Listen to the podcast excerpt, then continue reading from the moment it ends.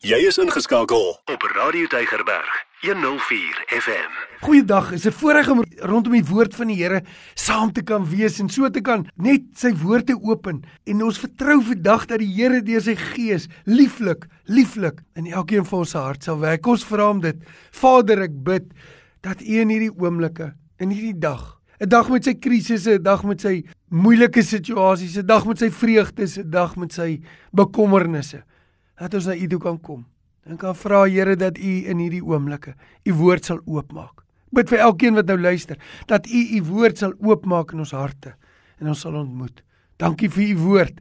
Dankie dat U woord gister en vandag en tot in alle ewigheid soos U dieselfde onveranderlik vas staan. Here Jesus, ons aanbid U. Ons eer U naam. Amen. Ons lees Jesaja 40, Jesaja 40 en weet jy wat?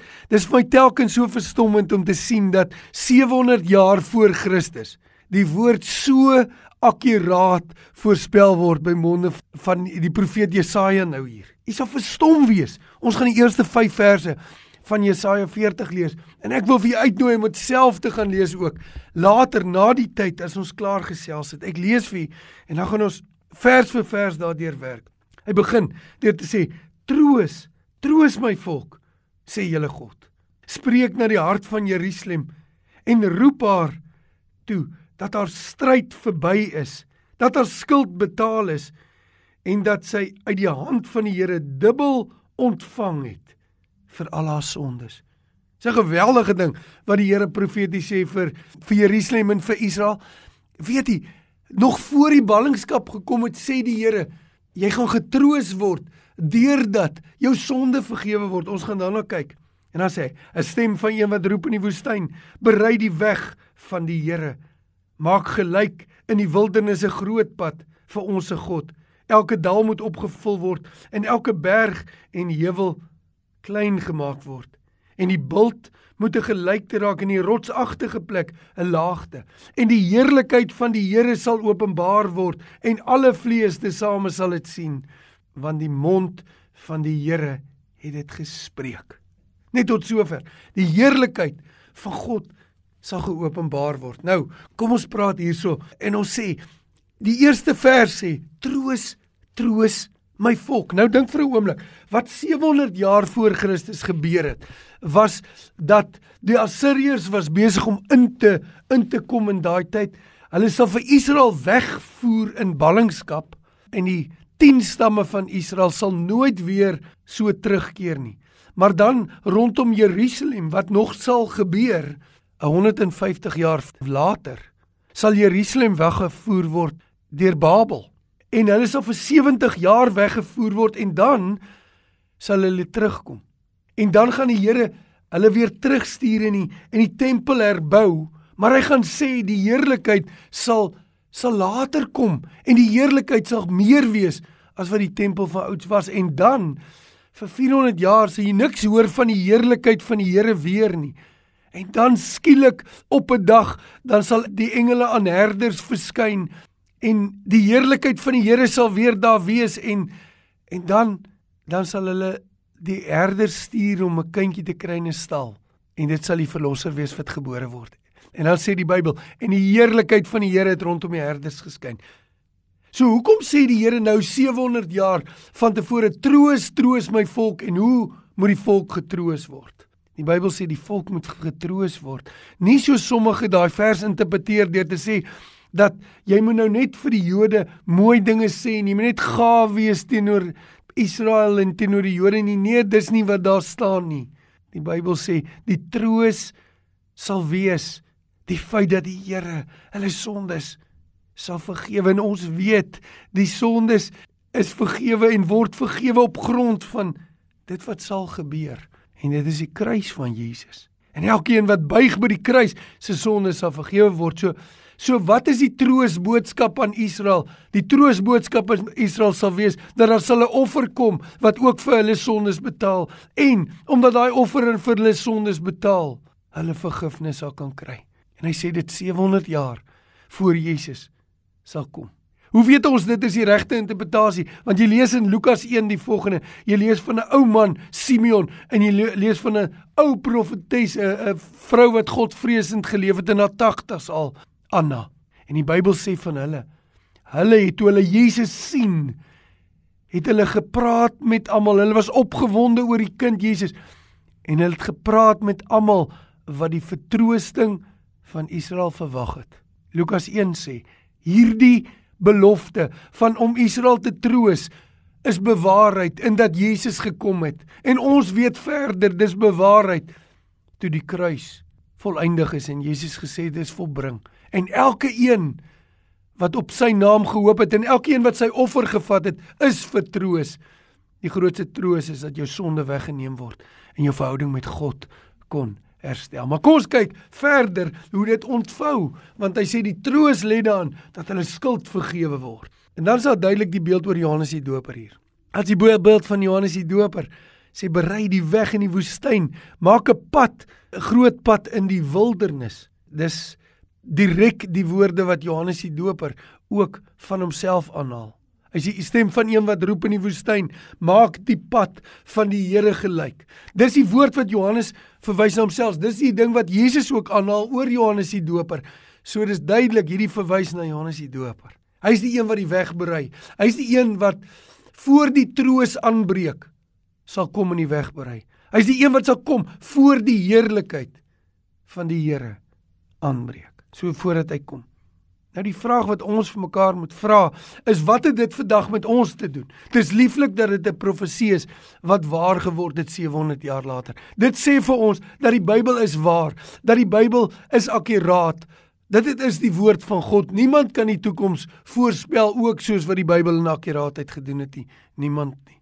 Nog nooit in die geskiedenis nie, nog nooit sal dit weer wees nie. Die Bybel is en bly die woord van God, onfeilbaar.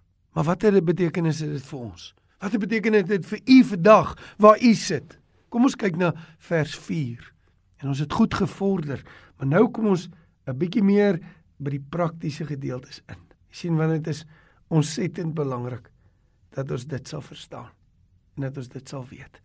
Eerste, hoekom is dit so belangrik? Hy sê elke dal moet opgevul word en elke berg moet klein gemaak word en die bult moet 'n gelykte wees in die rotsagtige plek moet in 'n laagte vorm. Wat 'n beeld van wat Johannes moet doen. Die beeld wat gebruik word is dat hier is 'n woestyn, maar die woestyn moet 'n pad gemaak word en daarvoor moet jy spanne instuur en in die die potholes heel maak en die klippe wegneem. Dis die beeld. Dis is 'n tipiese pad wat iemand maak in 'n woestynarea wat daarso was 'n klipwoestyn. Woestyn van Judea se klipwoestyn, daar's hordes, hordes klippe. So wat jy moes doen, is jy moes die klippe uit die pad uitneem, jy moet die die die gate vir waar om daaroor te ry, moes jy die gate opvul, al daardie dinge.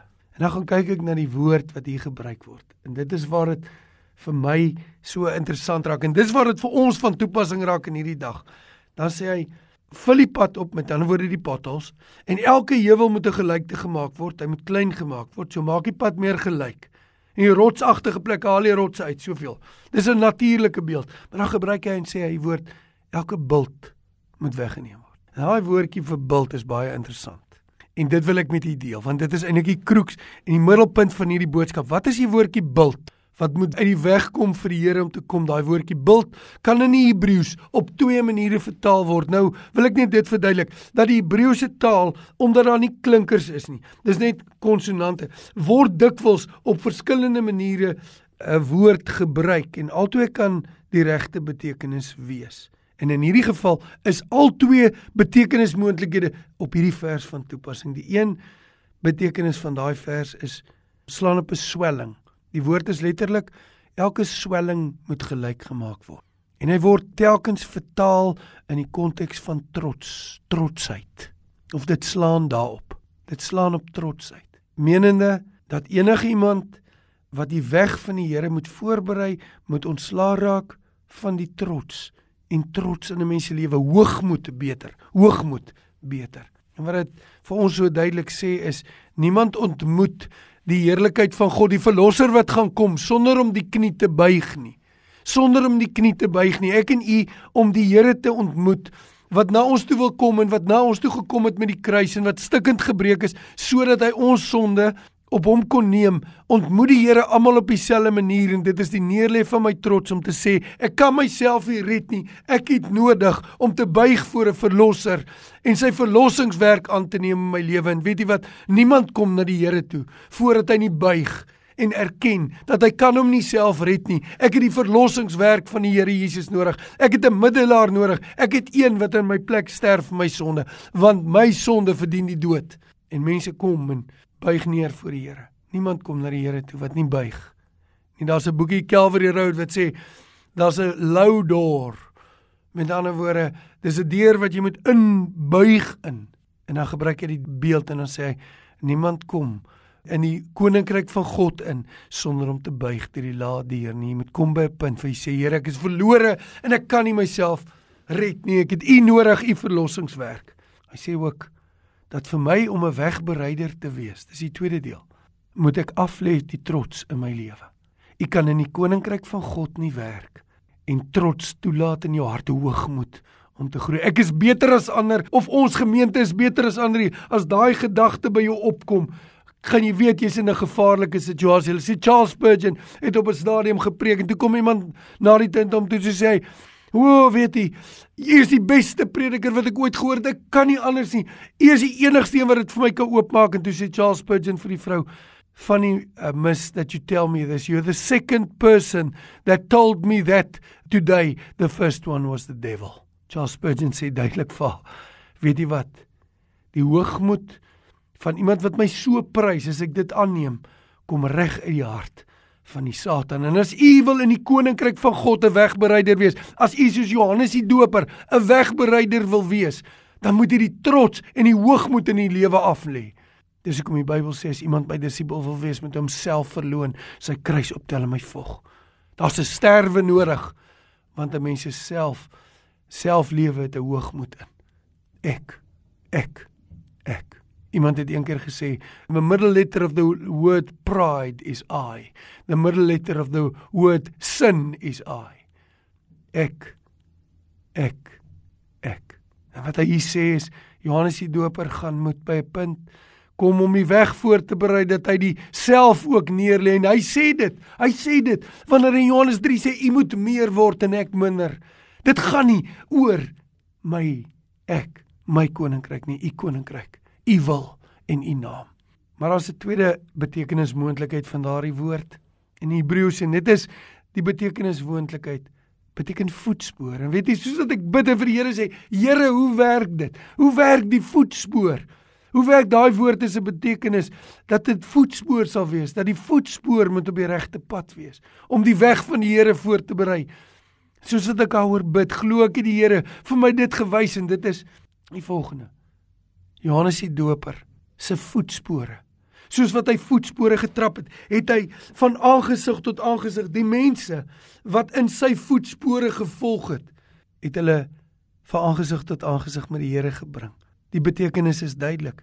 My voetspoor moet so wees dat enige iemand wat in my voetspoor stap, hom vasloop in die weg van die Here. Dis vir my so lieflik. Ek wil dit sommer dadelik neem na my kinders toe. In die voetspoor wat ek trap. In die voetspoor as iemand in my voetspoor loop, wat moet hulle konfronteer? Die weg van die Here. Maak die weg vir die Here gelyk. Sodat die manier waarop ek trap en die manier waarop ek loop, mense van aangesig tot aangesig met Jesus bring. En dit was Johannes die Doper se taak. Johannes die Doper se taak was om so te loop sodat enigiemand wat hom volg, Jesus sou ontmoet. Dit gebeur met sy disippels. Dit gebeur met sy disippels, want wat gebeur? Soos wat hy stap, sê hy daar is die lam van God en Andreas en sy ander disipel los vir Johannes die Doper en volg Jesus. Dis 'n voorbeeld van sy voetspoor wat so was om die weg vir Jesus voor te berei dat enigiemand wat saam met hom geloop het, Jesus ontmoet het. Met ander woorde, hoe ek met my huis optree en hoe my kinders my sien optree, moet hulle bring by Jesus. Hoe ek in 'n oomblik of in 'n kontak met iemand 'n halfuur of 'n uur het, moet u mense in my voetspoor Jesus vind. Dit is wat hy hier sê en dis waarom hierdie woord sê voetspoor. Die voetspoor wat ek los, moet mense van aangesig tot aangesig met Jesus bring. Is daar enige Nuwe Testamentiese gegevens daaroor? Ja, ek glo dit is so. Want luister nou mooi, luister nou mooi. Want vir my en u om 'n impak te maak, moet ons voetspoor. As iemand in my voetspoor stap, moet my voetspoor 'n weg berei vir Jesus. Johannes 10 sluit af met hierdie woorde: Jesus kom by 'n area in die Jordaan waar Johannes eers mense gedoop het. Onthou dis nou na Johannes se dood. Hy sal onthoof. Dan kom hy en hy sê en baie het na hom gekom na Jesus en gesê: "Johannes het wel geen teken gedoen nie, maar alles wat Johannes van hom van Jesus gesê het, was waar en daar het baie mense in hom geglo." Dit wil sê, hulle sê Johannes se voetspoor was so dat alles wat Johannes gesê het van Jesus was waar en daarom kan ons in hom glo. En daarom was die vrug van die voetspore wat Johannes geloop het dat mense wat Johannes se voetspoor gevolg het, het Jesus ontmoet. En dis my en u taak en dis my en u funksie dat in ons voetspore mense Jesus sal ontmoet. Hooglied sê die volgende in Hooglied 1: Waar vind jy die herder in die voetspore van die skape? Dit beteken my voetspoor moet mense aan Jesus vasmaak. Ek weet nie waar hy is nie. Ek weet nie hoe hierdie woord dalk na u hart toe loop nie. Miskien is jy soos ek wat telkens voor die Here gaan staan en sê Here, Here, hoeveel keer mis ek dit? Hoeveel keer mis ek dit? Maar kom saam met my na die Here toe en sê Here mag ons voetspore mense in die weg van die Here bring sodat hulle Jesus sal ontmoet in ons voetspore. Dis wat dit beteken vir die kerk om die weg van die Here voor te berei. Dis wat dit beteken. Nou wil ek verder net net kom. Dan kom ons hierdie wonderlike boodskap. Dan kom hierdie wonderlike weet jy dat die Bybel hier sê en die heerlikheid van die Here sal geopenbaar word. Nou ek het net reeds gesê aan die begin dat die herders, wanneer die herders kom, dan word die heerlikheid van die Here openbaar. Die heerlikheid van die Here straal rondom hulle. Maar ons weet as ons terugkyk dat Johannes die Doper se bediening moes eers kom vir die heerlikheid om openbaar te word. So dit kon nie verwys hierdie na die herders wat die heerlikheid van die Here om hulle gesien het nie. Nee, dit was meer as dit. Dit moes na Johannes die Doper se bediening kom, want hy sê hy moes eers die weg van die Here voorberei voordat die heerlikheid kan openbaar. So nee, ons moet verder kyk terug in die teks en sê die heerlikheid van die Here word openbaar wanneer wanneer die prys betaal is om die sondes te betaal. Dis wanneer die heerlikheid van die Here geopenbaar word. Terwyl waar kan ons dit interpreteer? Ons kan dit duidelik sien wanneer Jesus aan die kruis sê dit is volbring dan sê hy die prys vir die sondes is betaal. Van nou af kan mense na my toe kom. Van nou af kan mense die vergifnis van die offer neem. En wat gebeur die oomblik wanneer hy aan die kruis sterf? En hy sê dit is volbring en hy sê gees oorgee. Wat gebeur in daai oomblik?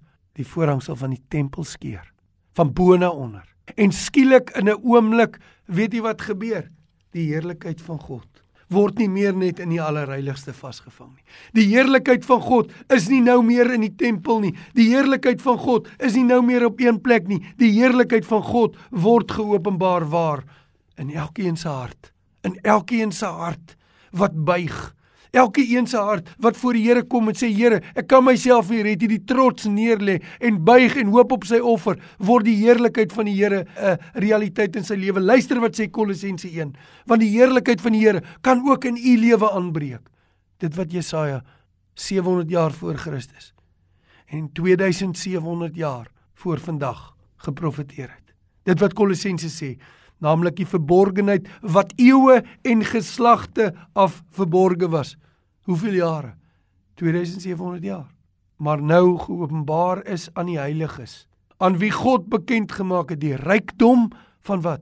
Van sy heerlikheid. Van die verborgenheid onder die heidene, dit is Christus onder ons, die hoop op die heerlikheid. En Kolossense 1 sê, hom verkondig ons. Wat is die implikasie? Toe Jesus aan die kruis sterf, toe skeur die voorhangsel en toe kry ons toegang na hom toe. Nie net sommer enige manier nie. Ek stap nie net in die teenwoordigheid van die Here nie deur te buig en te sê Here Jesus, hierdie offer, hierdie offer wat U gebring het, het ook vir my sondes betaal en ek eer U daarvoor. En hy kom in 'n mens hart en die heerlikheid van die Here word geopenbaar. Die heerlikheid, die rykdom van die heerlikheid wat Paulus nie in Kolossense 1 woorde voor het nie. Wat hy in 'n klomp verse beskryf in Kolossense 1 vers 15 tot 20. Die heerlikheid van God. Kom. Dit gaan verder. Die heerlikheid van God vul weer sy huis. Maar hierdie keer is 'n ander huis. Hierdie keer is die huis waarvan 1 2 1 Petrus 2 praat wat sê ons is 'n lewende stene. Ons is 'n huis van God en die heerlikheid kom onder ons. Dis hoekom die Bybel daar sê in Kolossense 1 die heerlikheid van God Dis Christus, die hoop op die heerlikheid onder ons. Daai woordjie en in die Grieks kan vertaal word as in ons en onder ons. En dis die wonderlike ding. Die heerlikheid van God is openbaar in elkeen. In elkeen wat die kruis neem, wat die vergifnis aanneem en waar die heerlike God in ons kom woon. Dis die rykdom van sy heerlikheid maar daar's 'n heerlikheid van hom wat onder die gelowiges is. Wat twee of meer in sy naam saam is, daar is hy in ons midde. En wat ek vir wil vra is, het jy al die heerlikheid van God gesien? Het dit al die hart geraak? Het jy al verslaaf voor hom gesit omdat die heerlikheid van God geopenbaar is? Iemand het dit beskryf as 'n sonstraal wat deur die venster skyn en dan blink, dan blink die stofkorrels in die son eer het hulle in die middagson gesien. Dis wat gebeur as die heerlikheid van die Here in 'n mens kom. Daar's iets wat uitskyn iets wat uitskyn, wat nie uitgedoof kan word nie, die rykdom van die heerlikheid van God. Dit wat God 700 jaar gelede in Jesaja beloof het, dat die heerlikheid van God sal geopenbaar word, is toe geopenbaar. En die Bybel sê in elke een wat hom aanneem, die wat in hom glo, het die reg gegee om kinders van God te word, draers te wees van sy heerlikheid. Wat toeneem in ons lewe, dis wat 2 Korintiërs sê, Ons word verander van heerlikheid tot heerlikheid en wat deel raak van 'n gemeente waar die heerlikheid van God onder ons kan wees. U hoef nie sonder sy heerlikheid te beweeg nie. U hoef nie in hierdie wêreld sonder sy heerlikheid te wees nie. Mag die Here ons help en seën. En as jy verlang het om rondom dit saam met iemand te gesels, ons wil graag saam met u gesels en saam bid. Maar gaan nou eers op die knieë en sê Here, ek neem U offer. Ek eer U daarvoor. Dankie ook in my lewe. Mag U heerlikheid, die heerlikheid wat behoort aan Jesus Christus die Seun, meer en meer word ons lewe. Johannes sê dit. In Johannes 1 dan sê hy, ons het sy heerlikheid gesien vol genade en waarheid. Mag die Here U seën. Amen. Elke dag jou nommer 1 keuse. Radio Deugerberg 104 FM.